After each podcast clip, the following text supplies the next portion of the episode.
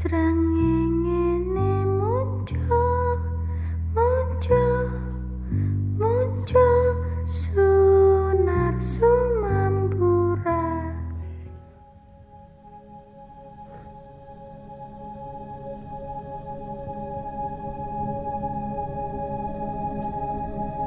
Halo, selamat malam semuanya. Balik lagi di podcast Malam Kliwon episode ke-28. Selamat malam semuanya. Seperti biasa di malam Kliwon ini, Mm-mm, Bimo sama Danu kembali menjumpai kalian di udara. betul. Ini berarti malam Rabu. Ya, ini bakal Mm-mm, tayang malam Rabu. Betul, betul, betul. Di ini ya, di Malam Kliwon malam Rabu ini. Betul. Nah, eh untuk malam hari ini kita sudah mengkurasi tiga cerita dari teman-teman Kliwon semua dan datangnya nggak cuma dari Jakarta tapi juga jauh-jauh nih. Jauh ini timur, tapi satu Jawa Timur, satu Indonesia Timur. Oh iya Satu lagi mana? benar. Satu lagi tuh gue lupa daerahnya cuman yang jelas eh, dia menceritakan pengalamannya dia saat LDR sama kekasihnya. Oke. Kita bacakan dulu langsung aja ini untuk timur yang pertama itu dari Jawa Timur dari Ica di Surabaya. Sebenarnya ini cerita gua saat masa profesi jadi nurse dulu. Nurse tuh maksudnya perawat kali ya. Perawat, Perawat perawat. ya. Heeh. Waktu itu kira-kira tahun 2012-an. Saya dan teman-teman seangkatan ada salah satu ujian yang diharuskan profesi di rumah sakit jiwa selama dua minggu. Dan rumah sakit jiwa yang kita dapat adalah rumah sakit jiwa yang terkenal di Kabupaten Malang. Kabupatennya ya, Kabupaten Malang. Heeh, Kanjuruhan nih berarti nih kalau stadion. Iya benar Iya benar. kan, Oke, bener kan. lanjut. Gua deskripsiin bangunannya ya. Di rumah sakit jiwa itu bangunannya bukan seperti rumah sakit kebanyakan yang punya lorong-lorong atau selasar panjang.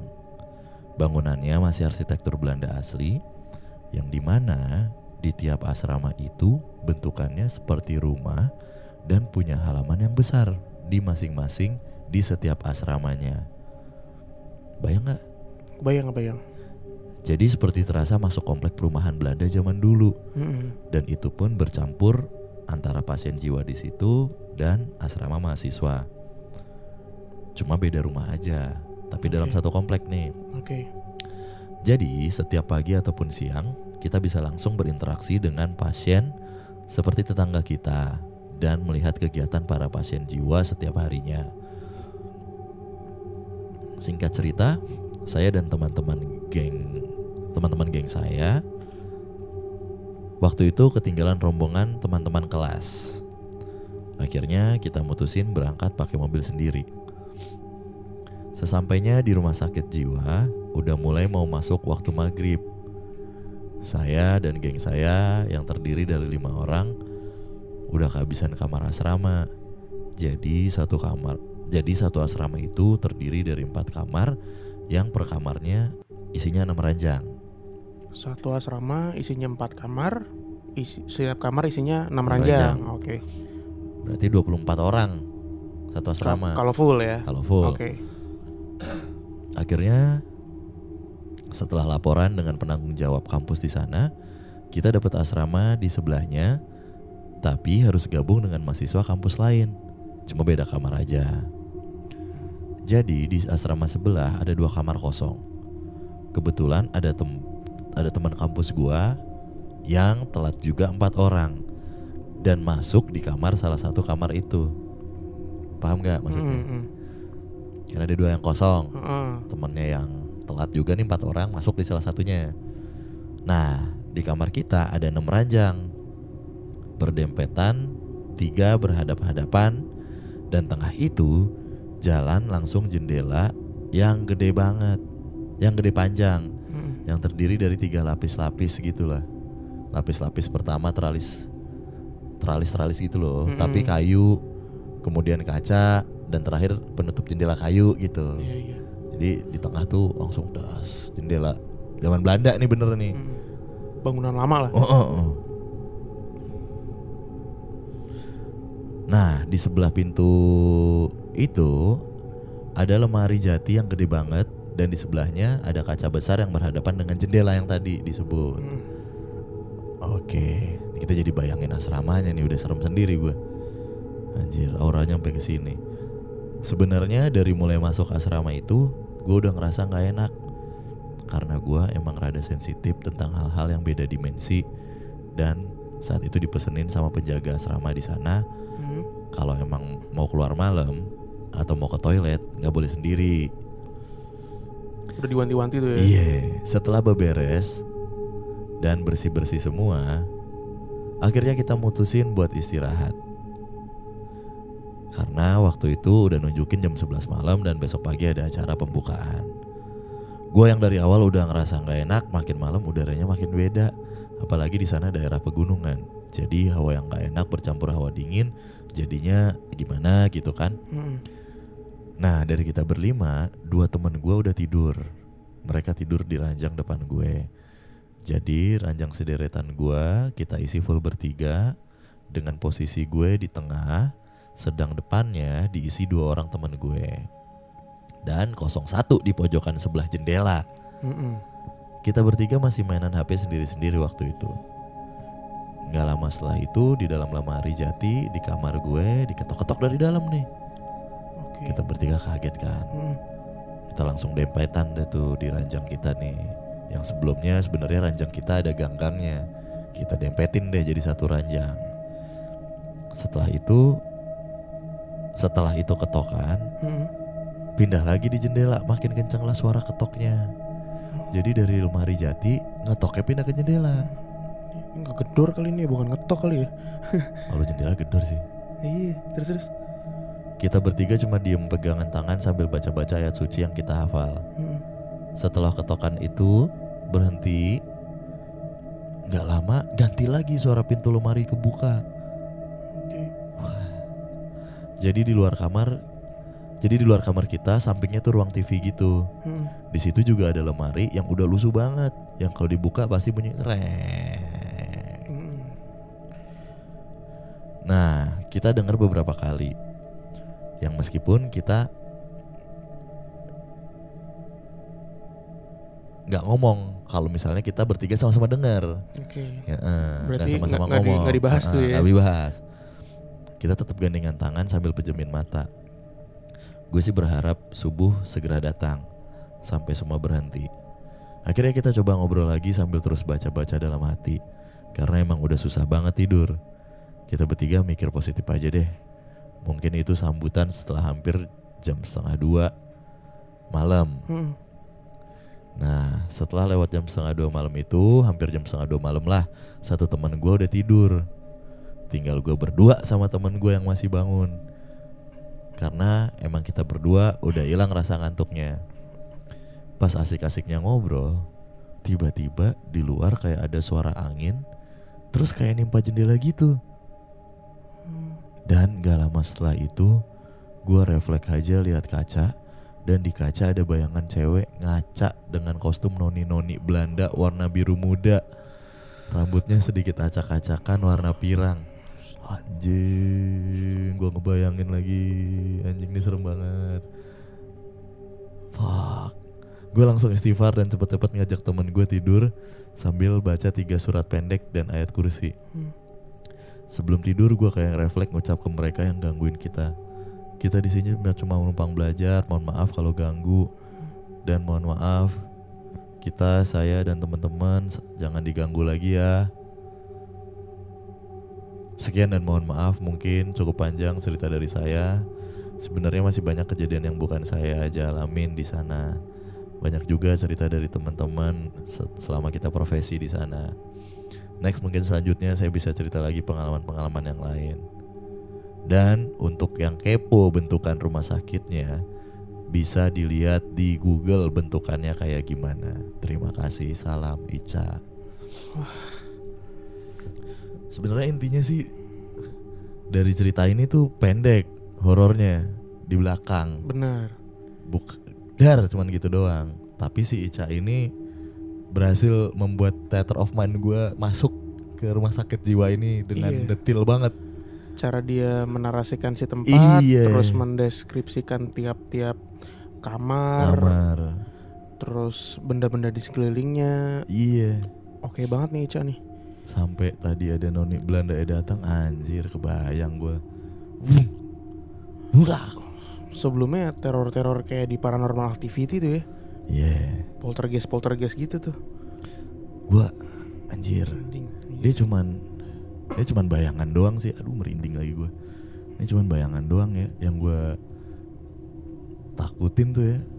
Vlog nempel gitu terus ya. Gitu-gitu tuh.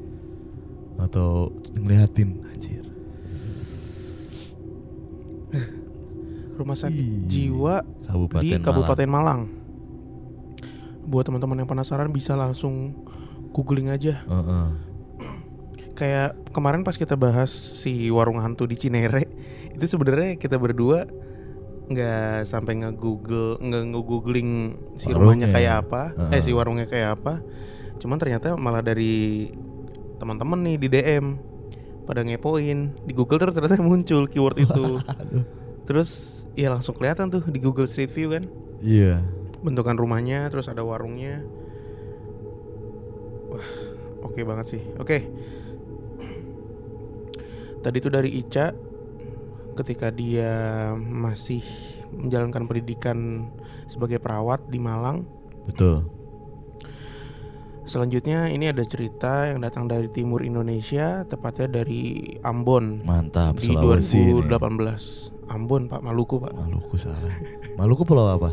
Pulau Maluku lah. Oh iya bener. Beda ya apa capek capek. Capek nih. Lelah nih. Iya nih. dari subuh. Ayo ah. bentar minum dulu. Oh iya bener. Oh Maluku tuh Maluku ya? Iya dong. Oke deh. Selamat malam Kak Bimo dan Kak Danu. Malam. Perkenalkan nama gue Catherine.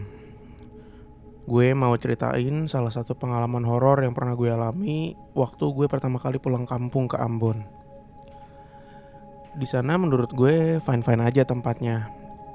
Walaupun emang hampir semua tempat di sana bekas orang meninggal karena kerusuhan. Aduh. Oh. Oke oke oke. Iya iya iya. Iya iya iya iya. Untungnya hotel yang gue tempat ini ya fine-fine aja lah, nggak serem-serem banget. Tapi karena hotel yang gue tempatin ada di tengah kota Ambon dan nggak ada kolam renang, jadi kita pergi ke hotel di daerah Nat Sepa Beach. Bagus sih hotelnya, tapi menurut gue hotel ini agak serem gitu sih. Soalnya hotel ini terhubung langsung sama pantai. Sebelum booking hotel, kita pergi makan bareng di cafe yang disediain hotel ini. Tapi karena gue bosen, akhirnya gue memutuskan untuk jalan-jalan keliling pantai bareng kakak gue sambil nungguin nyokap bokap gue yang lagi makan dan asik ngobrol. Ini malam apa pagi nih? Ini dia nggak ceritain waktunya sih. Oke Lanjut ya. Terus kakak gue bilang gini, Cat fotoin gue di situ dong, sambil dia nunjuk ke jembatan di atas laut. Gue pun nolak. Entah kenapa hati gue berat banget buat jalan ke sana. Tapi karena dipaksa, akhirnya gue lawan feeling itu. Selesai gue fotoin Ika, kakak gue, gue menatap sekeliling gue. Dari tempat gue berdiri bisa kelihatan pulau sebelah dan gunung-gunung di atasnya. Tapi kok dari tadi gue ngerasa kayak ada yang ngeliatin ya dari jauh. Tapi jelas-jelas nggak ada orang di pulau sebelah. Ah mungkin cuma perasaan gue aja kali. Terus gue bilang, kak fotoin gue dong. Gantian. Nah selesai apa? Setelah selesai foto, gue pun balik buat istirahat. Sambil duduk, gue ngecek foto yang tadi diambil pas di jembatan. Nah pas gue lihat fotonya kok jelek banget ya. Karena satu-satunya foto yang gue ambil nggak sesuai ekspektasi, gue pun kesel. Oke Sebelum gue mau hapus foto itu, mata gue menangkap sesuatu yang aneh di foto ini. Ya Setelah gue zoom dan perjelas fotonya, ternyata ada orang di pulau sebelah dengan posisi menyamping, menggunakan baju merah sambil megang tombak. Hmm? Rambutnya panjang, terus pakai cawak di kepala. Cawak tuh apa ya? Kayak apa ya istilahnya ya? Ya pokoknya biasa di- biasa dipakai di kepala gitu loh. Oh, Oke. Gua. Nah, gue mikir apa tadi gue salah lihat? Karena gue penasaran itu orang atau bukan, akhirnya gue tanya om gue. Dan ternyata bener, itu bukan orang, tapi alifuru. Kata om gue, alifuru itu nenek moyang atau para leluhur. Gue kaget dengernya, kok bisa sih muncul kayak begituan? Nah kata om gue, biasanya kalau kalian ngelihat alifuru, untuk untuk orang yang gak kuat bisa langsung sakit atau pingsan. Oke. Untung aja kamu gak kayak gitu. Itu kata om gue. Pas lihat foto itu, nyokap dan bokap gue untungnya langsung gak jadi pindah hotel. Karena udah mulai maghrib, oh berarti tadi sore. Sore, iya. Akhirnya kita memutuskan untuk balik. Hotel itu yang tadinya rame mendadak jadi sepi dan jalanan menuju pintu keluar bener-bener gelap. Hah? Baru setengah jalan menuju pintu keluar, tiba-tiba ban mobilnya pecah. Waduh. Ih, kok bisa pecah gitu sih nih ban mobil? Kata gue bingung. Hmm. Bokap gue cuma jawab, Shh, diem. Itu kita ada yang ngikutin. Oke. Besoknya kita lanjut berkunjung ke salah satu pantai yang lokasinya terletak di dekat kampung halaman bokap gue. Sebenarnya bokap gue bener-bener nggak mau kita ke sana karena harus ngelewatin kampung halamannya. Hmm. Nah gue bingung, kok bokap gue nggak mau pergi ke kampung halamannya sendiri? Karena gue penasaran, gue tanyalah sama bokap gue. Papi kenapa sih nggak mau pulang ke kampung papi sendiri? Bokap gue akhirnya bilang, kalau papi ke sana kita nggak mungkin bisa lewat gitu aja. Kita harus berhenti dulu pergi ke rumah tua keluarga kita. Oke. Oke. Di situ gue mikir kan, ya tinggal mampir bentar terus cabut lagi apa ribetnya sih? Hmm. Tiba-tiba tanpa gue tanya, supir yang jadi guide kita bilang, setiap orang yang masuk rumah tua harus bikin upacara adat dulu baru bisa masuk. Nah setelah perdebatan yang lumayan lama karena bokap gue nggak setuju buat ngelakuin upacara adat, akhirnya nyokap gue minta syarat lain untuk bisa masuk ke sana. Sesampai di kampung bokap, kita langsung disambut sama orang satu kampung. Entah kenapa mereka kayak udah tahu gitu kita bakalan datang ke sana. Baru masuk rumah tua, gue dan kedua kakak gue ngerasa pusing dan berat banget. Seharusnya kita ngelakuin upacara adat tapi diganti sama ibadah yang sebenarnya nggak disetujuin sama aturan leluhur di sana. Selesai ibadah gue, selesai ibadah, gue kira ini udah selesai. Ternyata masih ada hal lain yang harus dilakuin, yaitu kita harus minum air dan mandi dari air yang ada di rumah tua itu. Nenek yang bawain mangkok berisi air langsung nyodorin air ke mulut gue. Sebenarnya gue cuman mau belaga minum, tapi entah kenapa tiba-tiba gue malah jadi beneran minum air itu. Tiba-tiba om gue yang tinggal di kampung itu nyamperin gue dalam keadaan mabuk. Masih siang udah mabok aja om, kata gue sambil ketawa. Oke. Tiba-tiba om gue ngomong bahasa yang sama sekali gue nggak ngerti. Kalau nggak salah dia ngomong bahasa tanah yang membuat gue dari ketawa sampai merinding sendiri. Bahasa tanah tuh gimana le? Kenapa lo? Oh, Oke, lanjut. lanjut ya. Mm-mm. Gue cuman ngeliatin om gue dengan tatapan aneh. Tadi malam, pertengahan pagi dan malam, mereka datang mau lihat anak cucu yang datang dari jauh. Ucap om gue spontan. Mereka siapa? Gue tanya gitu kan. Mm. Alifuru, kata om gue. Selesai dia ngomong kayak gitu, bokap gue dengan buru-buru langsung manggil gue buat cabut. Selesai dari sana, kita sampailah di suatu pantai yang letaknya sangat dekat dengan perairan Laut Banda. Sebenarnya gue nggak mau main di pinggir laut karena banyak yang bilang semua korban bekas semua korban bekas kerusuhan jasadnya dibuang ke laut itu. Mm. Tapi karena kembaran gue nantangin, akhirnya gue pun memberanikan diri untuk main di laut walaupun gue nggak bisa berenang. Di situ tiba-tiba gue disamperin sama om gue yang mabok tadi. Katanya kalau di sini lebih seru lagi kalau naik kapal motor. Gue Oke. naiklah sama Ika dan adik terkecil gue. Gue kira kita nggak bakal pergi jauh. Ternyata kita dibawa pergi ke daerah Laut Banda dengan kecepatan perahu yang benar-benar kenceng.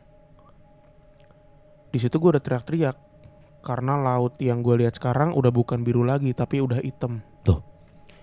Yang gue keselin adalah yang bawa perahu ini kayak sengaja banget pengen kita jatuh ke laut. Di situ gue udah marah-marah dan akhirnya kita balik ke pantai. Anehnya selesai gue main di sana, pulang-pulang kuping gue kayak bisa ngedenger suara-suara aneh, kayak gemuruh air gitu. Oh. Di situ gue mencoba untuk berpikir positif. Mungkin kuping gue kemasukan air kali ya. Karena sampai jam satu malam kuping gue makin berisik, akhirnya gue berendam di bathtub. Selama 10 menit berendam, gue ngerasa kayak gue lagi ada di dalam di dalam laut. Waduh. Suara gemuruh air di telinga gue makin terdengar jelas. Mhm. Waktu gue mau bangun antara sadar dan gak sadar, gue kayak ngeliat sosok Alifuru yang ada di foto lagi berdiri di depan pintu. Wah gila. Di situ gue langsung buru-buru berdiri dari bathtub dan langsung keluar dari sana. Besoknya gue diem aja karena gue mikir mungkin semalam gue kecapean kali ya. Nah, kembaran gue yang lihat gue aneh akhirnya nanya, tumben lo diem aja. Gue pun cuma diem aja pas dia ngomong kayak gitu karena gue nggak mau bikin yang lain pada takut. Hari itu cuacanya agak sedikit mendung buat pergi main di laut. Tapi karena bokap gue udah janjian sama temannya buat snorkeling bareng, akhirnya kita pergi ke pantai di daerah Morella. Untuk sampai ke pantai itu butuh waktu satu jam. Kalau gue perhatiin jalanan menuju pantai itu nggak ada lampu dan bener-bener masih hutan. Hmm. Sampai di sana kita naik perahu untuk pergi ke pesisir teluk. Waktu sampai sana cuman ada pohon dan gubuk kecil dengan batu karang besar di belakangnya. Dan anehnya di sana batu karang kecil digantung rapih di setiap ranting. Hmm. Nah pasti ada yang masangin, tapi buat apa dipasang? Ini kan pesisir teluk yang lumayan jauh dari pantai dan jarang ada orang ke sini. Iya. Karena gue nggak pernah snorkeling, jadi gue mau coba. Tapi kembaran gue ini ng- ngelarang. Jangan, lo kan nggak bisa berenang. Nanti kalau kenapa-napa gimana? Kata kembaran gue. Ah lebay lo. Gue pun mencoba untuk bernapas di dalam air. Tapi baru percobaan pertama gue langsung buru-buru ditolongin sama teman gue. Gue pun terbatuk-batuk. Bagusnya sih, eh, eh bagus sih lautnya tapi ternyata napas di dalam air itu nggak gampang. Nah percobaan kedua gue masih belajar sambil dipegangin teman gue. Hmm. Sampai percobaan ketiga akhirnya gue bisa coba ke tengah laut sendiri tanpa dipegangin. Yang gue lihat di bawah laut itu bagus, bagus banget. Kayak ada tebing di dalamnya. Oke. Tapi kok lama kelamaan gue ngerasa kayak di bawah sana ada yang ngeliatin. Wah. Karena gue udah mulai parno, gue langsung buru-buru balik ke pinggir pesisir. Di sana gue ngeliat kembaran gue, namanya Rolly. Nah dia ini udah siap-siap mau snorkeling dengan pakai pelampung yang nggak diikat dengan benar. Dia bilang ke gue, Kat, gue mau ke tengah, tapi gue nggak berani sendiri, temenin gue dong. Nah akhirnya gue nemenin Rolly ke tengah laut. Di situ cuaca udah mulai menghujan. Tiba-tiba nafas gue mulai sesek karena air mulai masuk ke dalam mulut gue. Gue pun buru-buru menginjak karang sambil membuang air dari mulut gue. Wah. Begitu gue pa- begitu gue baru pasang snorkel gue ke mulut, arus datang. Entah kenapa itu membuat snorkel gue kemasukan air. Nah kaki gue terasa semakin berat, Hmm. seakan-akan ada yang narik dari bawah. Wah beda lagi nih ceritanya. Belum lagi di situ gue nggak menggunakan pelampung untuk ngapung. Hah? Gue berpikir mungkin gue bakalan mati di sana. Hmm. Tapi dengan usaha keras gue mencoba berenang ke arah Rolly. Gue pun langsung memeluk Rolly dari belakang. Sedangkan kaki kiri gue masih terasa kayak ketarik. Yang akhirnya membuat kita berdua mulai masuk ke dalam air. Waduh. Nah untungnya kedua teman gue yang lagi videoin dari bawah langsung sadar kalau gue sama Rolly mulai tenggelam. Dengan cepat gue langsung meluk teman gue ini. Nah untungnya hari itu ada Rolly yang pakai pelampung. Kalau enggak mungkin gue udah mati duluan. Singkat cerita, waktu gue liat videonya, ternyata emang bener kaki gue kayak ketarik, tapi nggak kelihatan siapa yang narik. Akhirnya gue ceritain semua kejadian itu ke salah satu om gue yang ngerti kayak gini-gini.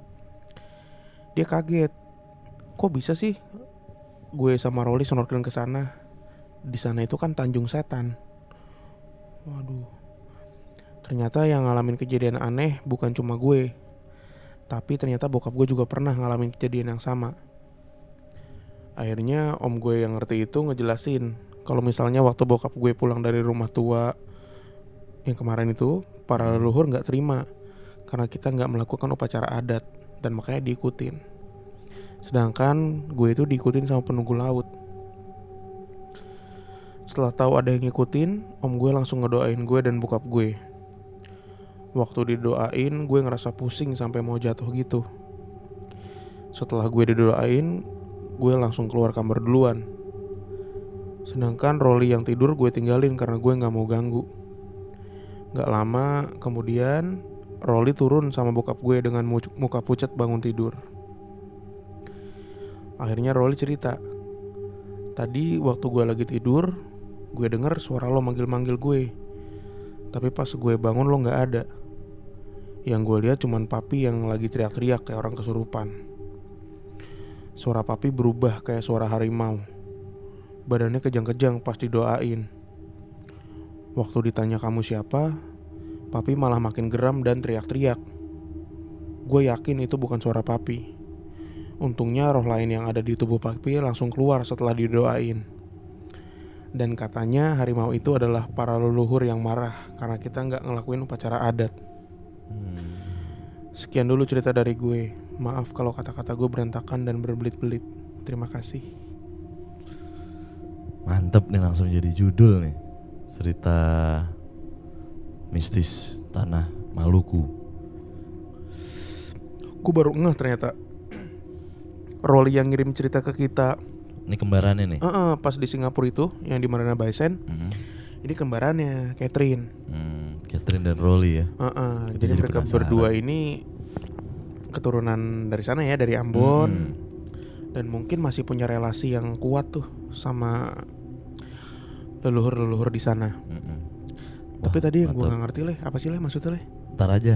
Oh ntar aja, Iya. off air ya. Over aja. Oke deh. Mantap nih lu. nih. Penasarannya sekarang. Oh iya salam ya. Aduh. Salam untuk semuanya yang ada di sana ya.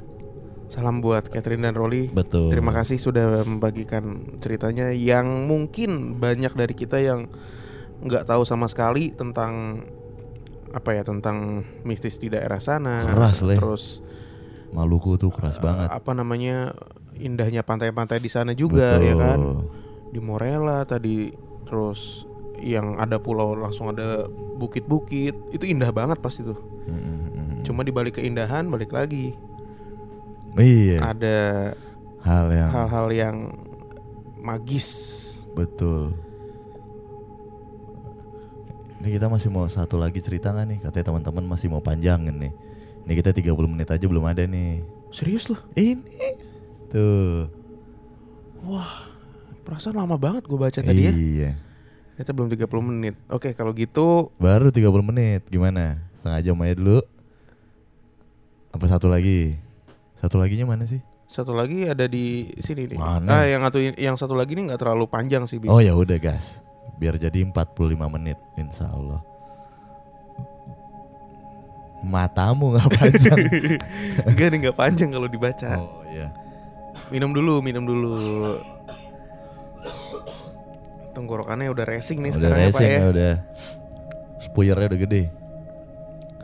Tapi Ambon Maluku ya, bukan Sulawesi ya. Maluku dong. Maluku ya. Oke, ini datangnya dari Instagram at @amarafauzi underscore m.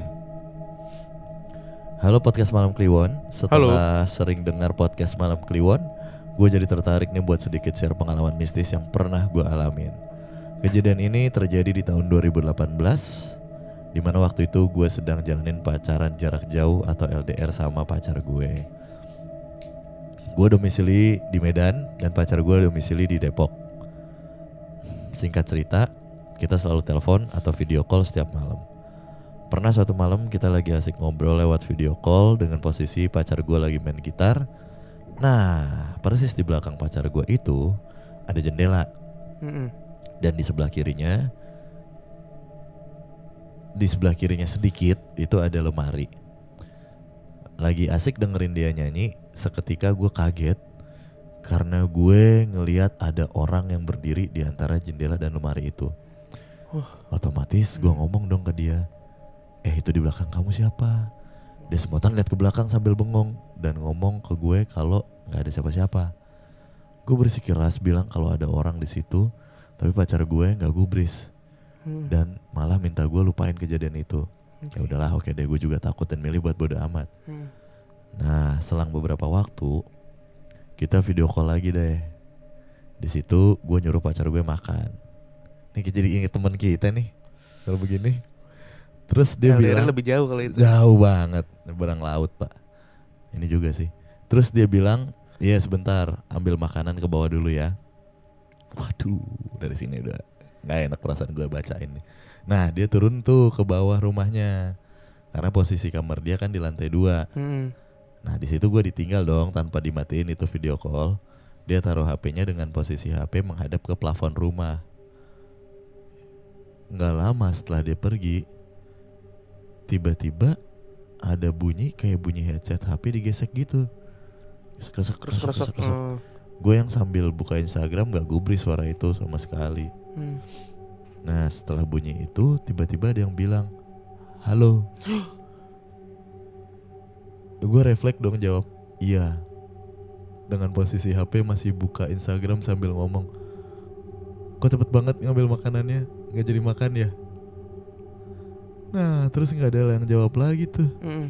Hmm. Gue tutup IG balik ke layar VC dan ngeliat arah HP-nya dia masih ke plafon sambil ngomong Loh anaknya mana tadi? Bukannya manggil Gue teriak-teriak manggilin dia tapi nggak jawab Oh mungkin dia turun lagi kali ya Hmm. Gue pikir gitu Selang beberapa saat Dia balik tuh manggil gue Bi udah nih Udah makan Bentar ya